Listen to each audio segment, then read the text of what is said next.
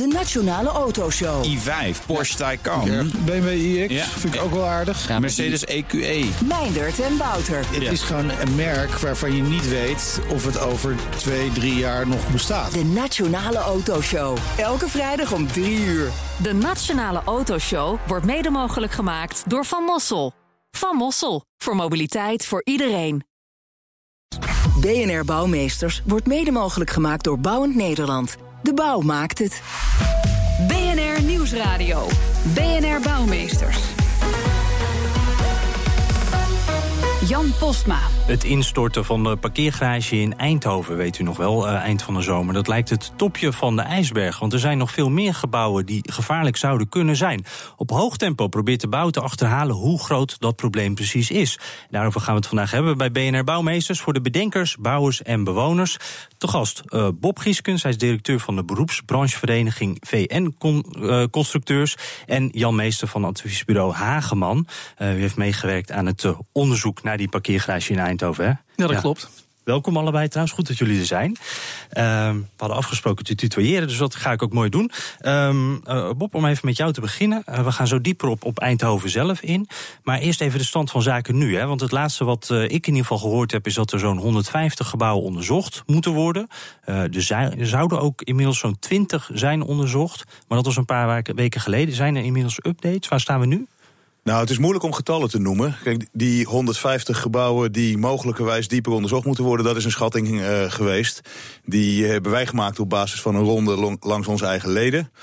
Ehm, en uit die eerste inventarisatie leiden wij af dat er zo'n 100, 150 gebouwen zouden kunnen zijn. eh, waar je dieper onderzoek naar moet plegen. Ik denk dat Jan straks nog wel even iets gaat vertellen over hoe dat onderzoek in stappen gaat lopen. Ja, zeker. Gaan we het nog over Ehm, hebben. Maar we wilden eerst wel even weten, want ik, ik begrijp dus dat die 100 tot 150, dat blijft een inschatting. Het is niet zo dat dat eh, concreter is geworden de afgelopen periode. Nee, er is absoluut niet iets, zoiets als een lijst waar ze alle 150 op genoemd zijn en die je zo kunt aflopen. Dat is eh, jammer Nee. genoeg, is dat niet zo? Nee, dat zou het zo makkelijk maken. En, en ik begreep ook dat er al zo'n 20 gebouwen echt zijn onderzocht. Klopt dat dan? Of? Nou, dat is inderdaad de stand van een aantal eh, weken geleden. Dat zullen er ongetwijfeld nu meer zijn. maar wij horen, net als ieder ander, over de resultaten van dit soort onderzoeken. Meestal pas op het moment dat de media daarmee komen of dat de eigenaren daar zelf mee komen. Ja. Eh, dus dat zullen er ongetwijfeld wel een aantal meer zijn nu. Maar ik eh, kan me toch voorstellen dat eh, juist u als branchevereniging daar, daar als eerste op de hoogte van bent. Nou, nee, dat, Dat- is. zo is, dat dus niet. Nee, dat Nee. is niet zo. Kijk, wij zijn, wij zijn vooral partij om, om de kennis te bundelen en te helpen die onderzoeken uit te voeren waar dat nodig is. Ja. En daar ligt voor ons ook de nadruk op.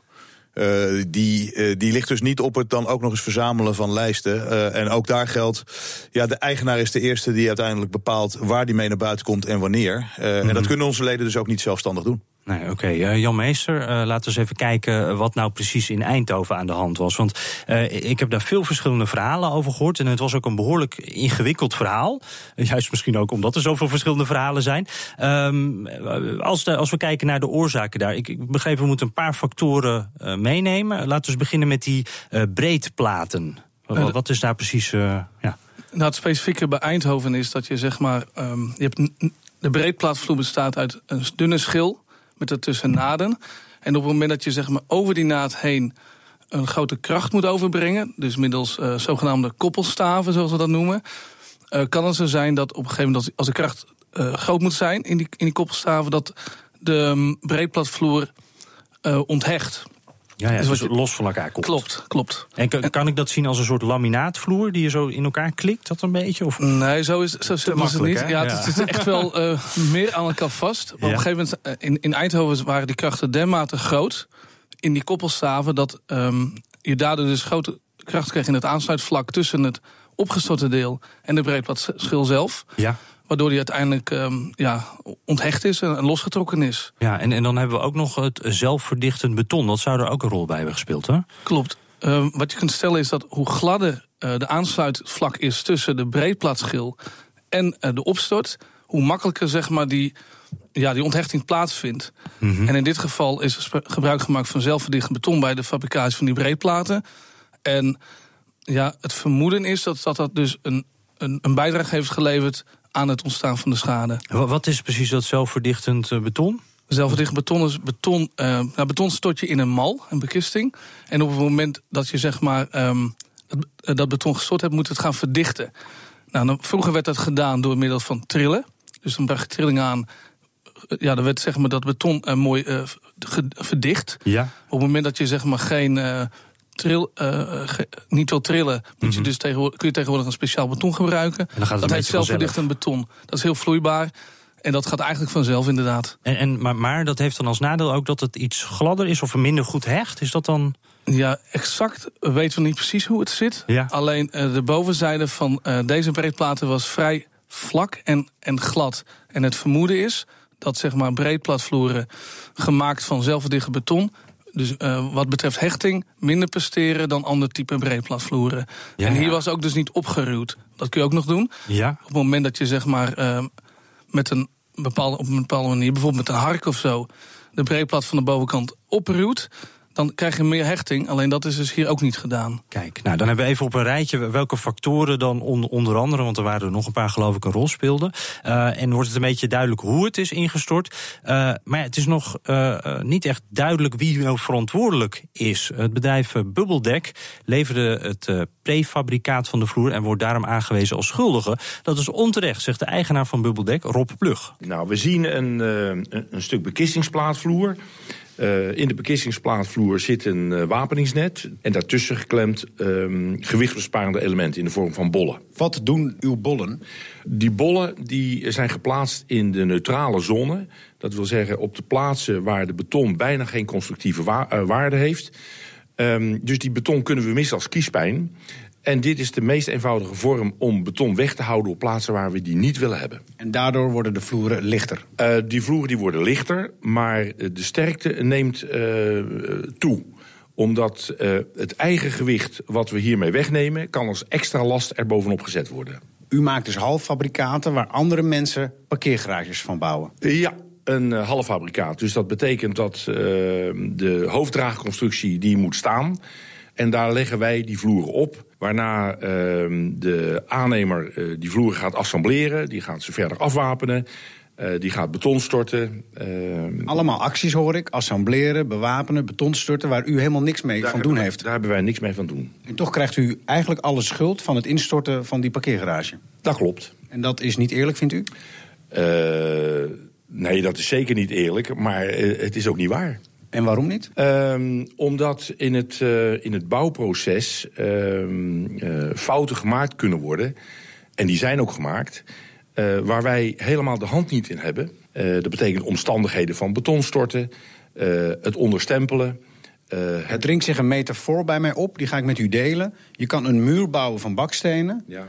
De baksteen zelf is sterk, maar de muur kan verkeerd gebouwd worden en valt om. Kunt u zich daarin vinden? 100 procent. Welke consequenties heeft deze conclusie? Dat um, de werkzaamheden die gedaan worden uh, op de bouwplaats, uh, als die niet op een juiste manier uh, worden toegepast, dan gaat dat mijn vloer schaden. U zegt het schaadt uw vloer, nu is het ingestort en nu schaadt het vooral uw reputatie. absoluut. Ehm, Wat moet er nu gebeuren, vindt u? nou, zo snel mogelijk de, de, de, de echte oorzaak uh, boven water krijgen. Want die is er nog niet. Uh, daar geeft het rapport van bureau Hageman ook helemaal geen uitsluitsel over. Die zegt het is zeer waarschijnlijk dat, dat die vloer is ingestort als gevolg van een, ja, een slechte aanhechting op een, op een stortvoeg. Maar, U bestrijdt dat het door uw bouwsysteem komt, door uw halffabrikaat? 100 procent. Ja, Jan Meester, uh, uh, Rob Plug van uh, Bubbeldek die zegt dus er zijn sowieso nog heel wat onduidelijkheden. En we weten eigenlijk nog helemaal niet precies wat er is misgegaan. Klopt dat? Nou, wij zijn uh, volgens mij vrij duidelijk in ons rapport over wat de oorzaak is. Um, de schuldigen aanwijzen, dat is iets wat wij als Hageman niet doen. Mm -hmm. En dat is een meer een juridisch verhaal. Mm -hmm. Dus maar technisch gezien Um, hebben we het volgens mij heel, heel veel, veel, uitgezocht. Dus. Ja, want wat Rob Plug ook zegt, er zitten veel, uh, eigenlijk veel mitsen en maren in het uh, rapport. Mogelijk, misschien, het is niet zo heel hard gesteld, zegt hij. Nou, ik denk dat het een beetje dat dat ingenieurstaal is, om het zo op te schrijven. Ja, die zijn en, voorzichtig, ingenieurs. Ja, ja, ja. ja, ik denk dat het daar uh, mee te maken heeft. Ja. Uh, als we het dan toch over de aansprakelijkheid hebben, uh, Bob Gieskens, ja, kunnen we daar al iets over zeggen? Nee, zeker niet in algemene zin. En en uh, in het geval Eindhoven uh, denk ik ook niet dat het helemaal correct is wat Rob Plug zegt. Uh, er zijn geen schuldigen aangewezen nog. Zeker niet in het rapport van Ageman. Mm -hmm. uh, ik denk dat hij ook een beetje uh, over de media, de berichtgeving... dat hij voelt dat hij al een beetje uh, als schuldig is aangewezen. Nou ja, dat kan, ik op, dat kan ik mij op zich best voorstellen. Want er wordt natuurlijk wel gewezen naar verschillende mm -hmm. partijen... en er wordt ook gewezen naar Bubbeldek. maar ik denk dat het goed is om hier te benadrukken... dat zowel Hageman als wij als Vereniging van Constructeurs... A, geen schuldigen aanwijzen. Mm -hmm. uh, daar zijn anderen voor. Het hele onderzoek naar de aansprakelijkheid in Eindhoven loopt nog. Uh, dus dat moeten we ook echt afwachten. Ik vind dat Plug daar gelijk in heeft. Het klinkt ook best wel ingewikkeld, hè? Want, dat is het hij, ook. hij levert iets aan, daar, daar wordt uh, aan gewerkt. De, buiten zijn weten om, zou je kunnen zeggen. En, en dan gaat er iets mis. Ja, dat, dat is ook moeilijk, toch? Zal ik het nog eens wat ingewikkelder maken? Nou, graag. Ja. Uh, ja. Kijk, Plug heeft gelijk. er zijn veel partijen betrokken bij de bouw... en dus ook bij dit onderdeel van de bouw. wat Plug niet noemt, is dat er aan deze vloeren... en aan die hele constructie ook nog gerekend wordt. Er wordt ontworpen. Uh, en het ontwerp, het totaalontwerp. Uh, daar zijn ook nog vaak verschillende partijen bij betrokken. Een deel van dat ontwerp gaat over die vloeren, hè, die elementen die Plug uh, met zijn fabriek maakt. Uh, en een deel gaat over hoe passen die elementen in het totaal. En die vloer, die, die laag die erop komt. Mm. Maar ook de ondersteuning. Nou, ook daar zijn vaak verschillende partijen bij betrokken. Een deel van dat ontwerp, daar is de zogenaamde hoofdconstructeur bij betrokken. Dat is een rol die mijn leden vaak vervullen voor de opdrachtgever of voor de aannemer. Mm -hmm. uh, maar een deel van dat ontwerp zit hem ook gewoon in uh, uh, het ontwerp dat de vloerenfabrikanten maken over de manier waarop die platen uiteindelijk worden gefabriceerd. Mm -hmm. Die platen zijn niet allemaal altijd standaard. Uh, dus die moeten ook specifiek worden bekeken. Maar Rob, als je dit zo uitlegt, dan denk ik ook van poeh, met, met zoveel spelers die allemaal meewerken, dan heeft ook uiteindelijk niemand echt dat overzicht. Toch? Dan is kwaliteitscontrole ook wel heel moeilijk. Nou, um, ja, je hebt gelijk, dit is niet eenvoudig. Um, of er niemand het overzicht heeft, dat is denk, denk ik niet altijd zo. Of dat in Eindhoven aan de orde geweest is, nou ja, dat weten we mm -hmm. niet. Hè? Uh, maar uh, ik noemde net even de term hoofdconstructeur. Um, de hoofdconstructeur is degene die uh, in veel gevallen um, het totaal toetst.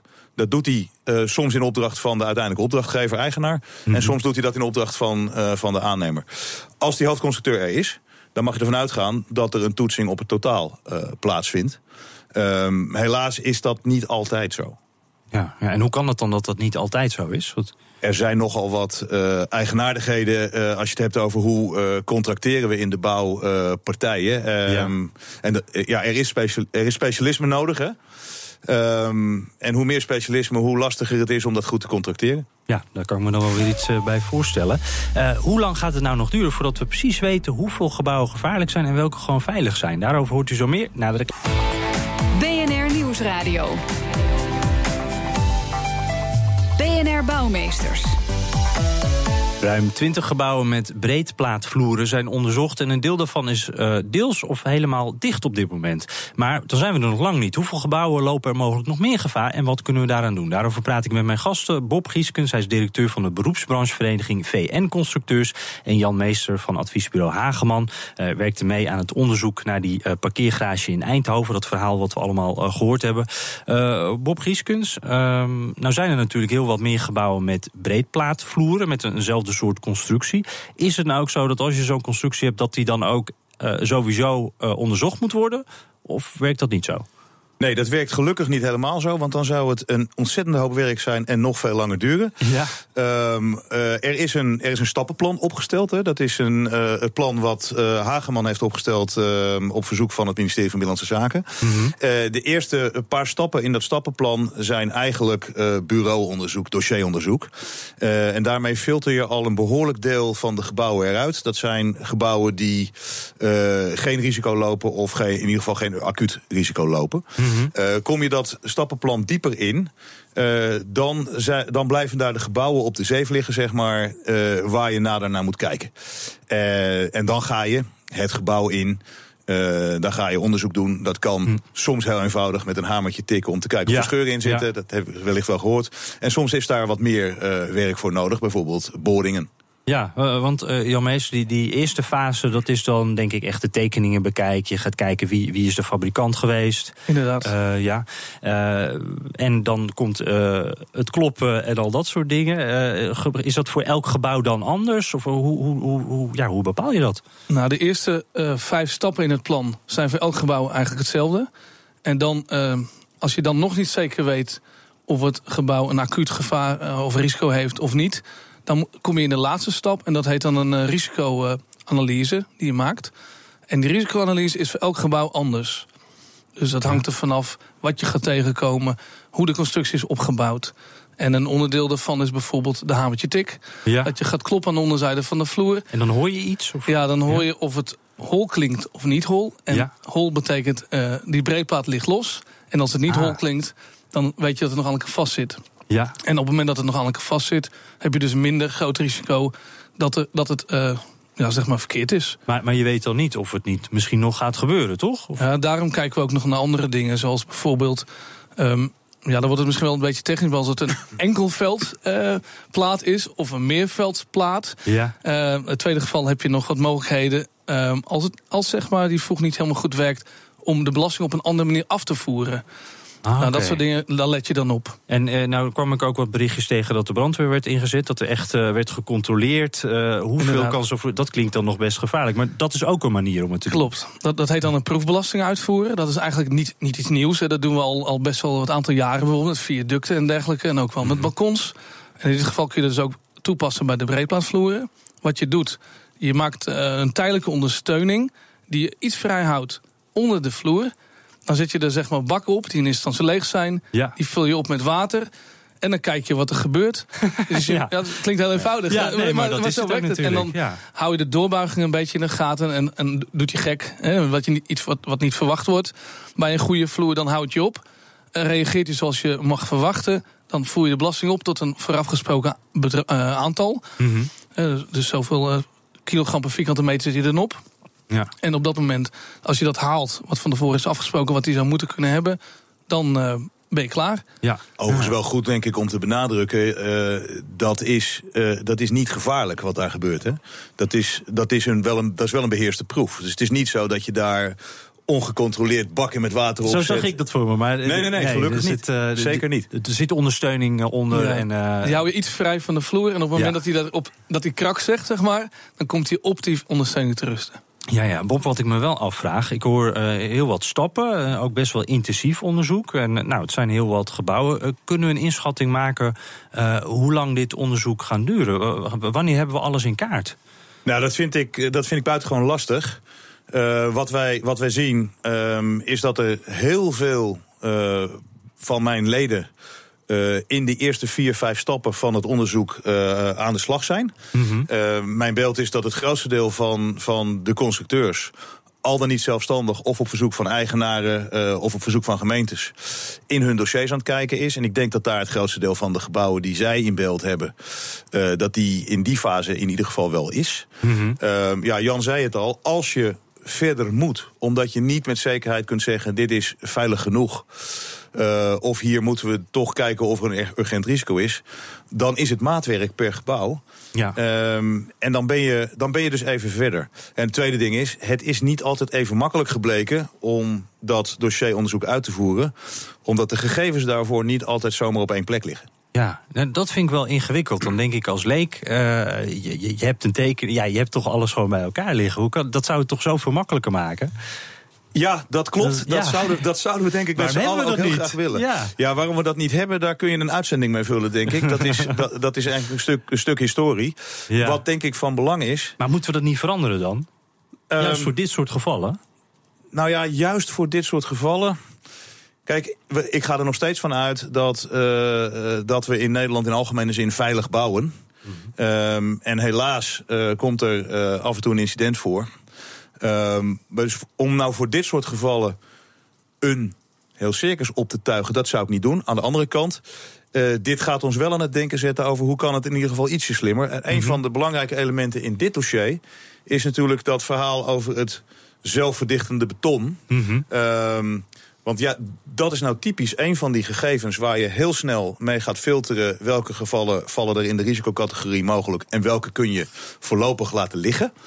Uh, en juist die informatie over dat zelfverdichtende beton, die blijkt eigenlijk nooit op tekening gezet te zijn. Dus die heeft uh, de aannemer vaak niet, die heeft de constructeur mm -hmm. zeker niet, die heeft de gemeente waar het bij vergunningen begint ook niet. Wie heeft het dan wel? Alleen de maker zelf? Eigenlijk heeft alleen de fabrikant van die vloeren die informatie. Uh, en het zou toch heel mooi zijn als we die met het oog op de toekomst uh, natuurlijk wel gaan delen. Ja, dus ik uh, hoor in ieder geval zeggen, dat moet veranderen, dat moeten we ergens gaan vastleggen. Dat moeten mensen gewoon weten wat voor soort beton is gebruikt. Ja. Dat, ja. Jan Meester ook mee eens? Ja, daar ben ik mee eens. Nou, mooi. Dan uh, eindigen we mooi eensgezind uh, deze uitzending. Uh, dank Bob Gieskes, directeur van de beroepsbranchevereniging VN Constructeurs... en Jan Meester van adviesbureau Hageman. BNR Bouwexpo. Ja, wij zetten weer een uh, bijzonder gebouw in de schijnwerpers. En de curator van de Bouwexpo, Frederik, heeft er een heel mooi ge gebouw geselecteerd. Dat is deze keer een hele bekende, een klassieker zou ik willen zeggen. De Nieuwe Kerk in Delft. Vertel. Ja, het is zeker een bekend gebouw. Vooral natuurlijk uh, vanwege het praalgraf van Willem van Oranje. Uh, maar na grootschalige renovatie, heeft echt de jaren geduurd... gaat die kerk eindelijk weer open. En met die restauratie is ook iets anders in het zonnetje komen te staan. en dat vertelde Ramses Hertman mij. En hij was ook betrokken bij de restauratie van die kerk. Het is dus een uh, schildering in het gewelf van de Nieuwe Kerk in Delft. En dan precies boven het uh, praalgraf van Willem van Oranje. En daar zijn dus geometrische patronen aangebracht in drie of vier verschillende kleuren. Heel erg kleurrijk. En die zijn dus nu voor het eerst echt goed zichtbaar geworden. Omdat er nu ook na de restauratie of tijdens de restauratie de verlichting op is aangebracht. Ja, een prachtige geweldsschildering dus, met, uh, die nu ook lekker in het zonnetje is gezet. Ja, uh, driehoeken hoor ik, uh, veel kleuren. Dat klinkt nou niet echt iets als ja, wat je verwacht in zo'n oude kerk, toch? Nee, nee, klopt. Die schilderingen zijn er ook pas later aan toegevoegd. In de jaren twintig is die kerk namelijk ook gerestaureerd. Toen is er om dat dak te beschermen een houtgewelf ingezet. Maar ja, die moest natuurlijk wel mooi worden ook. Dus toen is daar een schildering op geplaatst door Jacob Poor. En dat moest natuurlijk ja, bij, de, bij die tijd passen. Dus vandaar weet je, dat art deco-achtige gevoel. En bij deze restauratie kwam, die er nu is geweest, kwam ook nog wel een kleine uitdagingen, vertelde Ramses Hartman mij. Onderdelen daarvan moesten eruit worden genomen om tijdens de restauratie van de kap uh, de restauratie mogelijk te maken. En daarbij zijn dus uh, ja, wel unieke technieken gebruikt om uh, dat tijdelijk uit de kap te kunnen demonteren en later weer te kunnen terugplaatsen. Nou, unieke uh, technieken. Nu ben ik wel nieuwsgierig. En van de volgende week uh, kan ik dat allemaal gaan bekijken. Niet Absoluut. die technieken, maar wel die nieuwe kerk. Precies, hè? met die schildering die nu boven dat praalgraf in het zonnetje staat. Ik ben heel benieuwd. Op uh, bnr.nl slash bouwmeesters vind je meer informatie. Dank Frederik. En tot zover ook deze uitzending van BNR Bouwmeesters. Op het adres wat ik net noemde, bnr.nl slash bouwmeesters, kunt u hem helemaal terugluisteren. En we zijn natuurlijk ook als podcast te vinden op iTunes of Spotify. En we zitten ook op Twitter. Dus heb je een tip voor ons of gewoon een mooi bouwverhaal, BNR Bouw of mail bouwmeesters.bnr.nl. Dank voor het luisteren. BNR Bouwmeesters wordt mede mogelijk gemaakt door Bouwend Nederland. De bouw maakt het. BNR Headlines. De hele dag binnen- en buitenlandse politiek. In Nederland hebben we geen munitiefabrieken. De hele dag economie. Vijf dagen in de week bezorgen, dat kan niet uit. De hele dag technologie. Amerikanen weer op de maan. Heb je eigenlijk geen tijd, maar wil je toch op de hoogte blijven? BNR Headlines. Het laatste nieuws, maar dan in het kort. Ga naar je podcast-app en abonneer je op BNR Headlines.